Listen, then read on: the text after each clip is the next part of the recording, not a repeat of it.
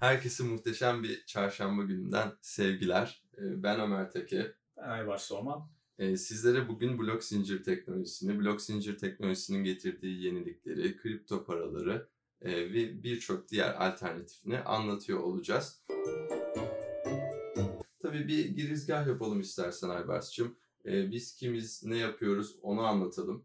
Daha sonrasında bu podcast'in e, devamı da olacak e, insanların daha doğru bilgiler öğrenmesi ve daha e, bu konuda güncel sorunları da anlayabilmesi için e, bilgilendiriyor olacağız. Sohbet arasında geçecek. E, istersen başlayalım. Biz kimiz? E, bu dünyayla nasıl tanıştık? Blok zincir dünyasına nasıl girdik? E, tabii Bow Block çok önemli başarıları imza attı. Öyle etkinlikler yaptı ki hiçbir üniversitede, hani kendi üniversitem diye övmüyorum, yani hiçbir üniversitede olmayan etkinlikler yaptı ve bu işin öncüsü yani Türkiye'de. Sen de bu kulübü kurmuş e, kişi olarak yani çabaların e, şimdi gidişatı, geleceği nasıl görüyorsun? Kesinlikle soruyu şu şekilden başlayalım öncelikle. Ben 2018 yılında e, kripto e, paralarla tanışmıştım. Ardından işte aldığım üniversitede bir ders sayesinde Blok Zincir Kulübü kurma yolunda gittim ve tüm Türkiye'de tüm blok zincir kurum ve kuruluşlarını araştırdıktan sonra bu bloktaki e, kurdum. Aslında kulüp hali hazırda kuruluydu ama bir yıl boyunca hiçbir şey yapmadıkları için kapanmanın eşindeydi. Kapanmanın eşinden olan kulübü çok güzel bir noktadan almayarak yani tam bir enkaz eşiğindeydi yeniden canlandırarak çok önemli noktalara getirdik. Bu ilk yılın ardından da ikinci yılımızda yeni bir kadroyla tekrardan devam ederek şu anda Avrupa ve Asya'nın en iyi blok zincir kulübüyüz. Aynı zamanda da Türkiye dünyanın en büyük blok zincir eğitim alanının bir parçasıyız. Bin Turkey ailesi içerisindeyiz. Genel olarak da blok zincir dünyasının çok felsefi anlamda sadece kripto paralardan ibaret olmadığını da altını çizerek o Blocktek'inde şu anda denetim kurulunda görevimi devam ettiriyorum. Aynı zamanda da mentorluğunu yapıyorum. Çok önemli bir e, döneme ve e, önümüzdeki yıla imza atacaklarından da son derece de emin bir yönetim kurulu bırakarak içim rahat bir şekilde sektörde ilerlemeye devam ediyorum. Çok teşekkürler. Şimdi diğer şapkadan da bahsedelim. Senin Ben Global ve Ben Turkey e, şapkan da çok değerli. Bu işin gidişatını düşündüğümüzde kalifiye insan yok. Yani zaten kripto paraları zar zor anlıyorken bir yabancı dile benzetiyorum ben. Yani başka bir yabancı dil öğreniyorsunuz. Bir sürü teknik terim var. Yani sonra o dili konuşabilmek için pratik yapmanız gerekiyor. Her gün yeni bilgi geliyor. Sürekli kelime dağarcığınızı genişletmeniz gerekiyor gibi gibi. O yüzden e, ben global bu anlamda e, kalifiye insanı oluşturabilecek ve onları birbirine bağlayabilecek bir ağ. İstersen oradan da biraz bahsedelim. Tabii ki de şu an ben Global 400 bin dolar bir fon aldı ve buradaki gönüllü bir şekilde ilerleyecek tüm takımlarına işte United Kingdom olsun, United States olsun, Türkiye takımı olsun belirli oranlarda part-time çalışmak üzerine bir fon sağlayacak. Bu da NGO olmalarından dolayı dünyanın en büyük 2014 yılında kurulmuş blockchain eğitim ağı yaklaşık 100 üniversiteden fazla üniversite kuruluşu, akademisyen ve üzerinde mezunları barındırıyor. Buradaki mezunlar da tabii blok zincir CoinMarketCap'te de yer alan bazı blok zincir e, startuplarını başlatan kişiler. E, başlarında da şu an Eric Pinos, e, or, Eric Pinos, Ont Gas üzerindeki coin'e sahip olan Ontology Network Amerika kıtasının komite lideri. Bu alanda da önemli çalışmalar ve e, işbirlikleri yaparak Ben Global e, her geçen gün e, nüfusunu ve etkisini tüm dünyada arttırarak yoluna devam ediyor. Bahçeşehir Üniversitesi de öncü olarak Bin ailesi içerisinde bu yapıda yer alıyor. Önümüzdeki zaman dilimlerinde de önemli çalışmaların yapılacağını ben şimdiden sinyalini vereyim. Çok güzel, çok değerli bilgiler. Yani bu gelişmelerin arasında değerli katkıların için gerçekten ben hem arkadaşın olarak hem e, çalışma arkadaşın olarak çok teşekkür ediyorum. Yani dilersen hiç böyle bilmeyenler için e, bir hani sıkıcı olmayacak sohbet havasında böyle tarihsel süreci de ele alarak yani bu Bitcoin nedir? Neden ortaya çıktı? Neden böyle insanlar bir anda kafasını çevirdi de hani kurumlar, kişiler, etraftaki herkes yani bakkal amca, bakkal Mehmet amcasından sokaktaki Ayşe teyzesine nedir ne değildir diye sorup duruyorlar. Ee, yani bu süreci gelişi biraz inceleyelim. Tabii öncesinde ben kendimi ben de tanıtayım. Tabii ki de. Sen de kendini tanıtarak başla, başlarsan çok harika olur. Tabii benim ismim Ömer Teke. Ben 2016 yılında çok tesadüfi bir şekilde e, blok zincir teknolojisiyle ve kriptografiyle tanıştım. İnternette hiç tanımadığım e, İngiliz bir birisi yani oyunda tanıştığım birisi bana kriptolojiden bahsetti. Sene o zaman 2016 ve mevzu yani e, yani konu hiç bu kadar dallanıp budaklanmamış. Hep böyle şey bakılıyor işte Bitcoin diye bir şey var evet ama para aklamakta şu anki işte altcoin'lerden Monero gibi lanse ediliyor. Yani tamamen suç odaklı bir şey. Bundan hiçbir şey olmaz böyle internette denemişler gibi bakılıyor. Zaten fiyatı da hani böyle hiç bin dolarları geçmemiş o seviyelerde bir fiyatta. Yani öyle bir dönemde tabii ben de bu kadar hani gelişeceğini hiç tahmin edemiyordum açıkçası. Beni de çok şaşırttı. Ama çok ilginç bir teknoloji gelmişti. Yani bir, bir birine para gönderiyorsun ve arada aracı yok. Yani o bankanın gereksiz işlemi yok. Yani mesela en basitinden e, o, üniversitede okuyorsunuz, Erasmus'a gideceksiniz. Erasmus'ta başka ülkeye gidecekseniz Western Union'la mı para attınız ya da bankayla mı para attınız? Sizden kesinti alıyorlar. Yani siz oraya eğitim harcamalarını yapacaksınız. Zaten kur farkı belli. Bir de oradaki ara kesintileri ödüyorsunuz. Zaten blok zinciri ve kripto paraların en aktif olarak kullanıldığı yerlerden biri de ve ülkelerden biri de e, bu e, mesela Filipinler'deki biri çalışmaya gidiyor birinci dünya ülkesine. Kor ülkeye gidiyor. Orada çalışırken maaşını dolarla kazanıyor ve dolar onun için o kadar değerli ki hani o, o parayı direkt olarak kesintisiz atabilirse ailesinin kazancı falan. Yani oradaki küçük kesinti belki Western Union için küçük bir kesinti ya da işte gelişmiş bir ülkede yaşayan biri için küçük bir kesinti. Ama yani o adam, o kişi için değerli, onun nezdinde değerli ailesini geçindiriyor kendi memleketinde gibi yani böyle alternatifler sunuyor. Tabii insanların anonimlikten doğan kötü bakış açısı da var. Yani şu şu temelde gidelim tarihsel süreci anlatmadan önce. Yani para aslında güvene dayanan bir şey.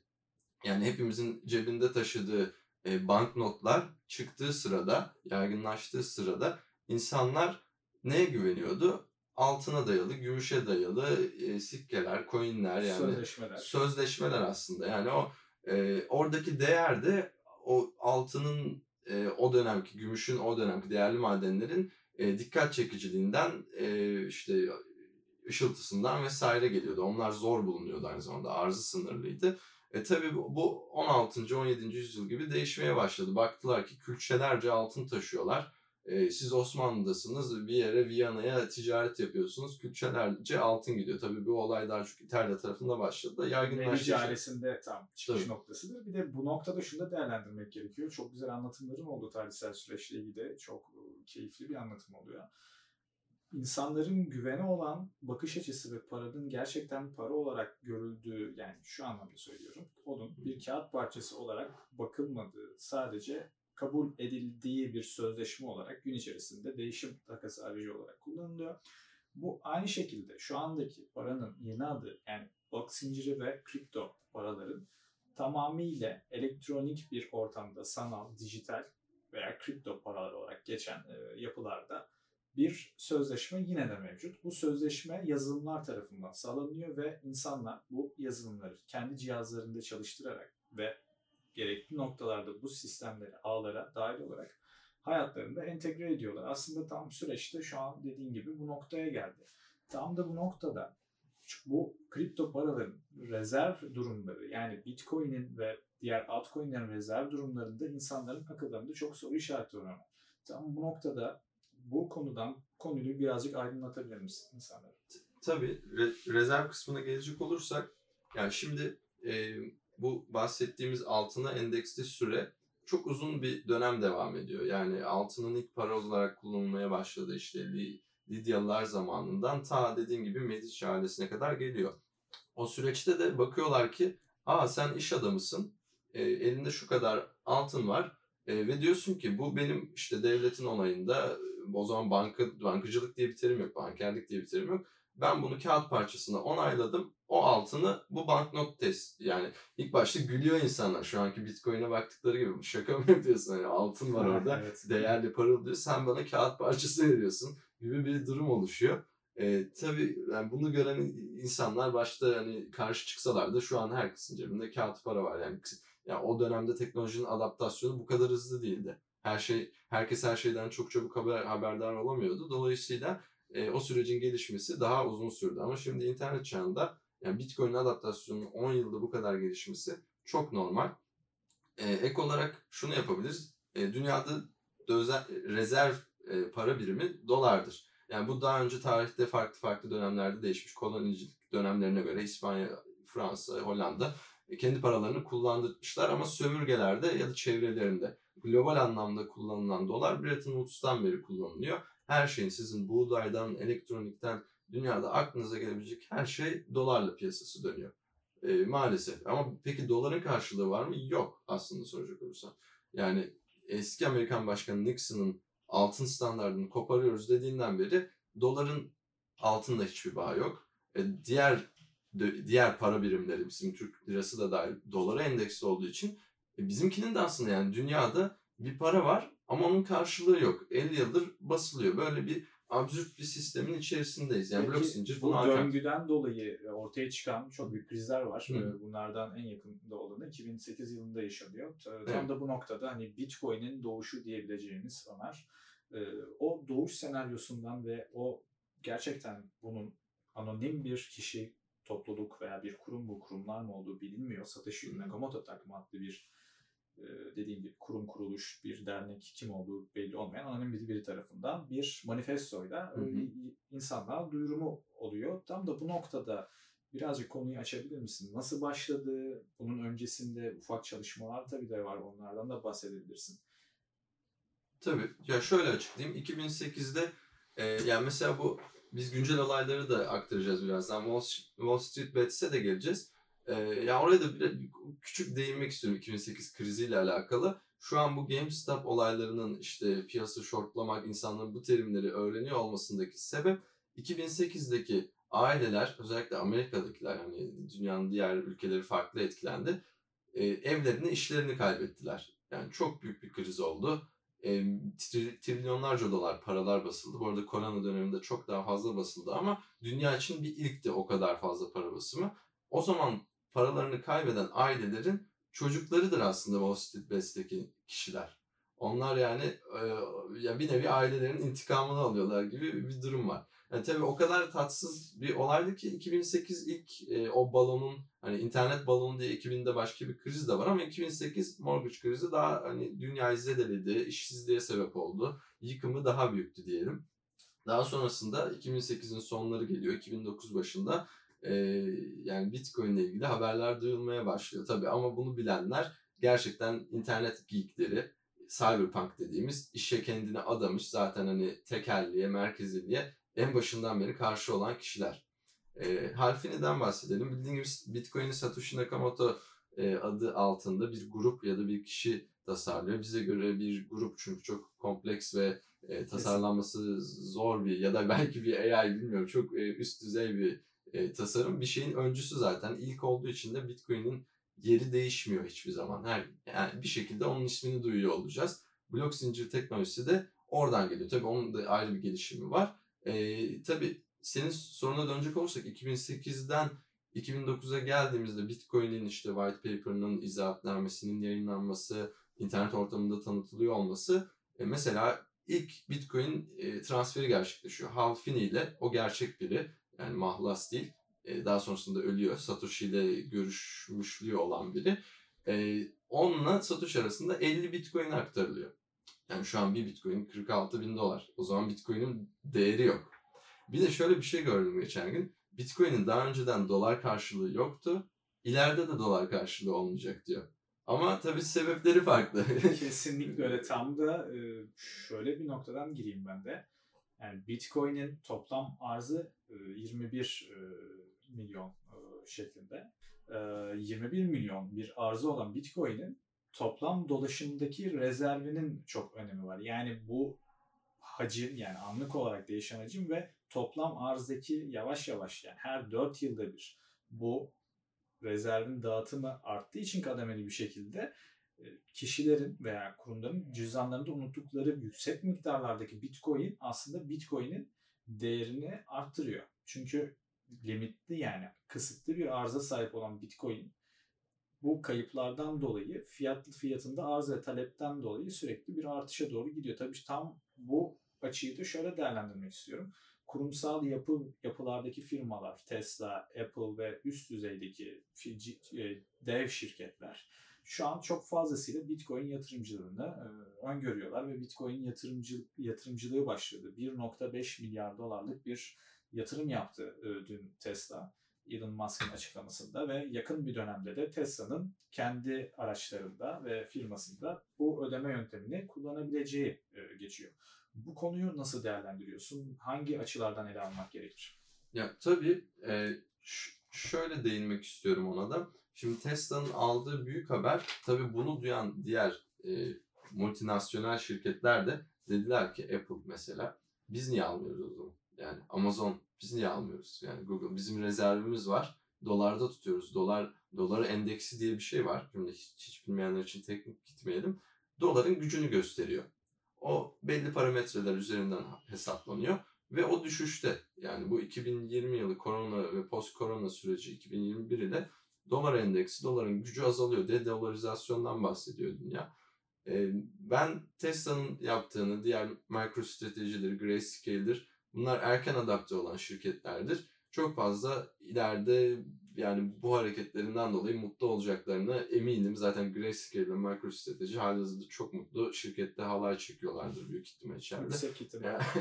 bir de çok da uzağa da gitmeye gerek yok. Ülkelerin de bu konuda bazı ülkelerin Bitcoin alım üzerine e, yapmış oldukları eylemler veya planlamalar olacağına yönelik e, bilgiler var ve yapanlar da muhakkak vardır bazı ülkeler ki var. E, bu noktada önemli bir e, değer olarak Bitcoin'e güvenmelerini sağlayan tam da senin dediğin doların sonuçta bir rezervi var ve belli bir noktada altına dayalı ya da sınırsız bir basım üzerinden ilerliyor. Bu açıdan Bitcoin üzerine bir dayanak ya da bir e, arz dayana yani bir kaynağa karşılık şu kadar Bitcoin olmamasından dolayı insanlar Bitcoin'e de güvenmiyor. Tam bu açıdan değerlendirmek istersek kişilerin bakış açısını değiştirmek anlamında. Çünkü çoğu kişi bilmiyor. Sadece Kesinlikle. alıyor, yatırım aracı Kesinlikle. deniliyor. Kesinlikle. Cüzdanlarını yatırıyorlar, karlarına bakıyorlar. Grafiği evet. okuyarak. Evet. Değer artıyor. Bir ürün var diyorlar. Ben o ürünü aldım. Sanal. Hani almaya ikna olmuş. İşte o da bir tren var gidiyor. Klasik hani oradan kar edeyim kafası. Ama yani bunun bir işleyişi var. Bir sistemi var. Madencilik dediğimiz yıllardır ki gelişmiş de hani zaman zaman içerisinde evrimleşmiş, farklılaşmış bir sektör. E, bunu yani yapan insanların röportajlarına ve ilk madencilerin hala devam edenlerin e, durumuna baktığımızda şunu görüyoruz. Yani bu iş hiç de kolay bir iş değil. Bu iş için çok fazla ekipman gerekiyor. Yani 2012'de siz bir laptopla e, Bitcoin madenciliği yapabiliyordunuz. Daha sonra ASIC dediğimiz makineler çıktı. Bu iş zorlaştı. Ha ne oldu? E, şimdi algoritmalar tartışılıyor. O kadar bilgisayar gücüne ihtiyaç var mı? Yani çünkü sen bana para transferi yapacaksın. O bilgisayarlar bir matematik işlemini çözecekler diye o kadar zaman geçiyor ki o kadar karbon Ve salınımı. tam da elektrik konusuna bunu ha, elektrik. Istiyor. Elektriğin çok fazla zaten salınmış e, tüketiminden dolayı e, atmosfere verilen bu yüksek karbon karbondioksit salınımları had seviyede ve bunun yerine başka algoritmalar da var. E, tam bu açıdan e, Proof of Stake algoritmasını çok kısa bir şekilde hiç bilmeyenler için de tabii, tabii değinelim ona da. Şimdi hiç bilmeyenler için Proof of Work Bitcoin'in çalışma algoritması ve güvendiği şey de bilgisayar gücü. O bilgisayarların e, ne kadar fazla olup o mining facility, o koskoca işte hani burada ne dönüyor Bitcoin'in karşılığı ne dediğiniz zaman onlarca hangarın içerisinde bir matematik işlemi çözmeye çalışan harıl harıl makineler, onların sesi aklımıza geliyor. Proof of Work bu. Ee, yani bir iş kanıtı yapılıyor. Budur deniyor. Proof of Stake ne? Ee, hali hazırda bulunan tokenlardan ve ya da altcoin'lerden blok zincir firmalarının geliştirdiği hissedar olup siz hisse kanıtıyla sistemi destekleyebiliyorsunuz. Yani bir parçası olduğunuzu işte şu kadar benim elimde var ben bunu tutuyorum sistemin dönmesine bunu katkıda sağlıyorum. Yani içeri, içerisinde tutuyorum. Yani bu bunda enerji salınımı daha azdır dediğim gibi. Ama güvenlik açısından tabii Proof of Work'e göre e, biraz daha hani güvenlik açı hani değişiyor. Proof of Stake'in de türleri var. E, Tam daha kasaya kitleme kesin. diyebiliriz aslında. Evet. Sisteme güvenip orada elinizdeki kripto varlıkları ve değer varlıklarını o network içerisindeki sizin cüzdanınızla kasaya kitlemek de diyebiliriz herhalde Ömerciğim. Tabii. Tabii yani çok daha net ve anlaşılır olur. E, bu algoritmalar tabii şu an bizim elimizde olan algoritmalar. Bitcoin'de elimizde olan yani en iyilerinden ve ilki olduğu için yani buna bir alternatif gelir. O zaman e, farklı bir e, teknoloji kullanılıyor olur. Farklı bir yani Bitcoin yeri değişmez mi? Belki de değişebilir. Maksimalistleri var. Yani insanları düşün 2012-2013'te başlamışlar. O kadar bağlanmışlar ki çünkü Bitcoin'in fiyatı yok. O minelamış minelamış binlerce Bitcoin var. Ee, ve öyle seviyelere ulaştığı için insanlar bağ, bağlanıyorlar. Duygusal bir bağ kuruyorlar. Ee, öyle yanıtlayabilirim Aybaş. Bir de şöyle bir şeyden bahsedeyim. Şimdi mesela 2020 yılında yükselen bir trend olduğunu gördük. 2020'nin başlarında başladı. Aslında daha öncesinde var ama popülerliği 2020'lerde başlıyor. Merkeziyetsiz finans. Ve onun ardından daha çok 2020'nin ortalarına doğru bir popülerlik kazanan NFT yanından fungible token yani eşsiz tokenlar, bir benzeri nadir olan tokenlar.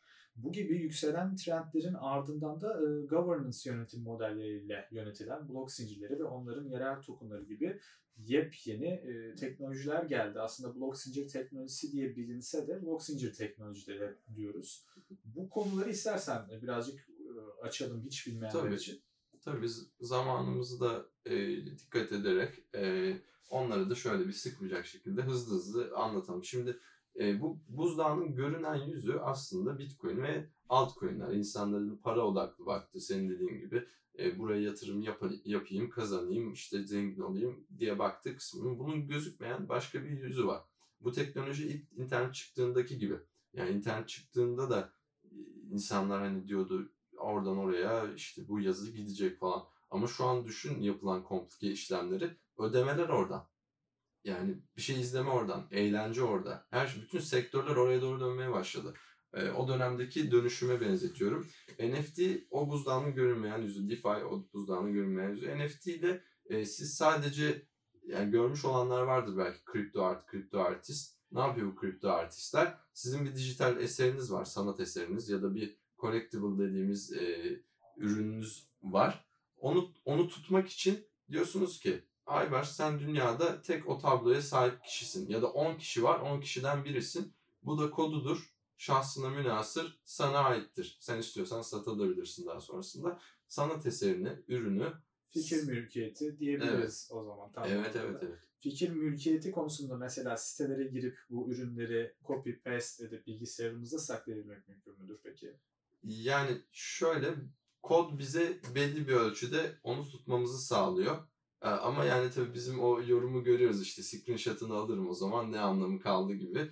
Ee, hayır o şekilde işlemiyor. Non-fungible token ERC721 protokolü, protokolüyle diyor ki bu senin şahsına münasırdır, değiştirilemez, e, değiştirmesi teklif bile edilemez diyor. O zaman sözleşmelerin içerisine yerleştirilen e, yasalar Yasalar evet. demek de çok yanlış Evet, olmayacak. kodsal yasalar hatta öyle diyelim. Kodsal yasalar. O zaman son bir terimimiz de var. DeFi'yi de anlatalım. O da yine trendlerden. Daha Kesinlikle. du- yani insanlar daha da duyacak. Belki ilk defa bizden duymuş olurlar. DeFi konusuna gelecek olursak e, herhangi bir merkezi bir yapıda bulunmayan bir sistem üzerine Hı hı. peer to peer yani eşler arasında işlemlerin yapılabildiği yeni nesil bir bankacılık e, ekosistemi, platformlar topluluğu. Burada kişilerin kredi teminatlandırılmasından tutun borç ödün almasına veya likidite havuzlarına ellerinde tuttukları kripto varlıkları yatırıp bunun üzerinden para almasına ya da ödünç para e, kripto varlık değeri almasına e, kasaya belli bir oranda ürün kitleyip bu ürünün sigortasını yine yapabilmek, stable coinleri kullanıp ödeme araçları olarak kullanmak. Yani kısacası şu an günümüzde bulunan vezneciliğin internet ortamında banka vezneciliği olmadan herhangi bir kişinin yatırdığı bir varlık değerine ödünç almak ya da Ödünç tam aksi olarak tam diğer türlüsü olarak ödünç e, vermek Hı. şeklinde yorumlayabiliriz. Benim bu noktada DeFi'nin e, şu anda günümüzdeki e, güncel popüler, popüler, yani popüler olması durumu artı e, geleceği ne olur? Tabii onun geleceğini şöyle yorumlayalım. Şimdi DeFi çok yeni bir terim. Yani blok zincir içinde e, hali hazırda gelişmekte olan e, finans sektörü geleneksel. Şimdi binlerce yıllık bankalar var. İşte BBVA'sı var, Bank of England var. Bunlar yani köklü kuruluşlar ve bankalar kurulduğunda biz ağ babasıyız. Yani biz yani Medici ailesi hani o kağıt parayı bulduğunda bahsettik. Rönesans'ı, İtalyan Rönesans'ını finanse ediyorlar. Yani çünkü öyle bir devrim yapıyorlar ki e, o kadar e, yani bankaların merkeziyetli oluşu yani kökleşmiş bir kavram. Yani DeFi şimdi buna alternatif getiriyor ama karşısında durduğu şey hani mesela Bitcoin bir savaş açmış. O savaşta bayağı böyle yol gitmiş. Hani DeFi'nin de bir o kadar gidecek yolu var. Öyle söyleyeyim açıkçası. O zaman şöyle söyleyebiliriz Ömer. 100 yıl içerisinde yapılan o kağıt para geçiş sürecini belki de bir yıl içerisinde internet üzerinde akıllı kontratlar sayesinde otonom bir şekilde merkezi olmayan bir borsa, bir bankadan, bankacılık toplumundan bahsediyoruz. Bu çok önemli bir devrime gidecektir. Ve kişilerin blok zincir teknolojisini, kripto paraların farkındalık düzeylerinin artmasıyla ki ben şu an Türkiye'de %2 olduğunu düşünüyorum. Kimlerinde kripto varlık diye tutan tüm herkes için geçerli benim kendi görüşüm. Halen da bilinmemesi ve çok az yaygın olmasından dolayı sadece yatırım aracı olarak görmelerinin son derecede yanlış olmasından dolayı ve bu kültürün oturmamasından dolayı DeFi ekosisteminin önünün daha çok e, uzun olacağını düşünüyorum.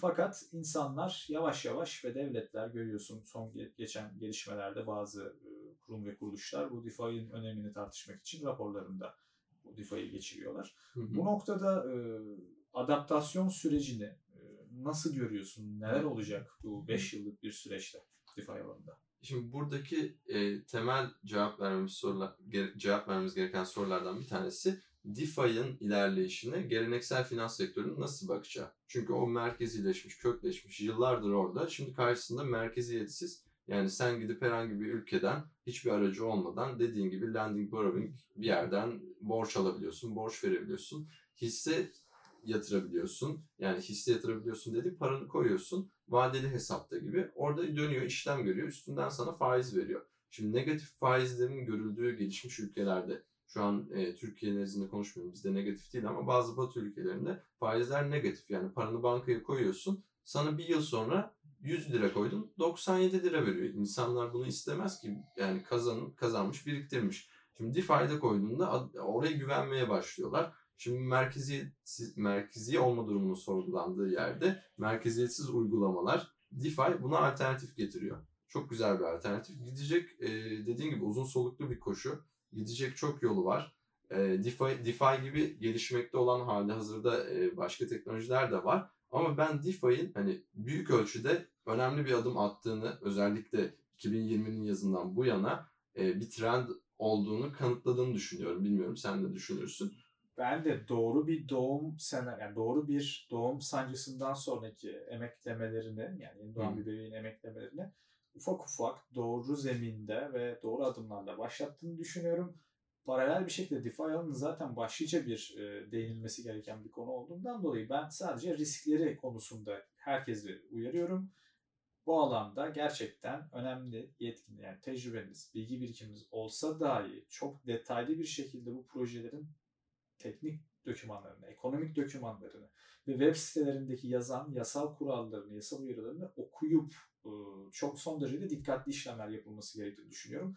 Ve risklerin paralelinde DeFi sigortacılığının gelecekte en önemli konuların, konularının başında geleceğini düşünüyorum. Bir sonraki bölümlerimizde zaten merkeziyetsiz finans ile e, merkezi olan finans üzerinden de detaylıca herkese açıklamalar eşliğinde, örnekler şeklinde ve alt kategorilerini hı. tanıtmaya devam ediyor olacağız. Güzel bir program oldu. Kesinlikle ben çok keyif aldım. Umarım dinleyicilerimiz de keyif almıştır. E, teşekkür ediyorum Aybars değerli bilgiler için. Ben de teşekkür ediyorum. İlk programımızı böylece bitirdik. E, Bir sonraki programda görüşmek üzere. Hoşçakalın. Hoşçakalın.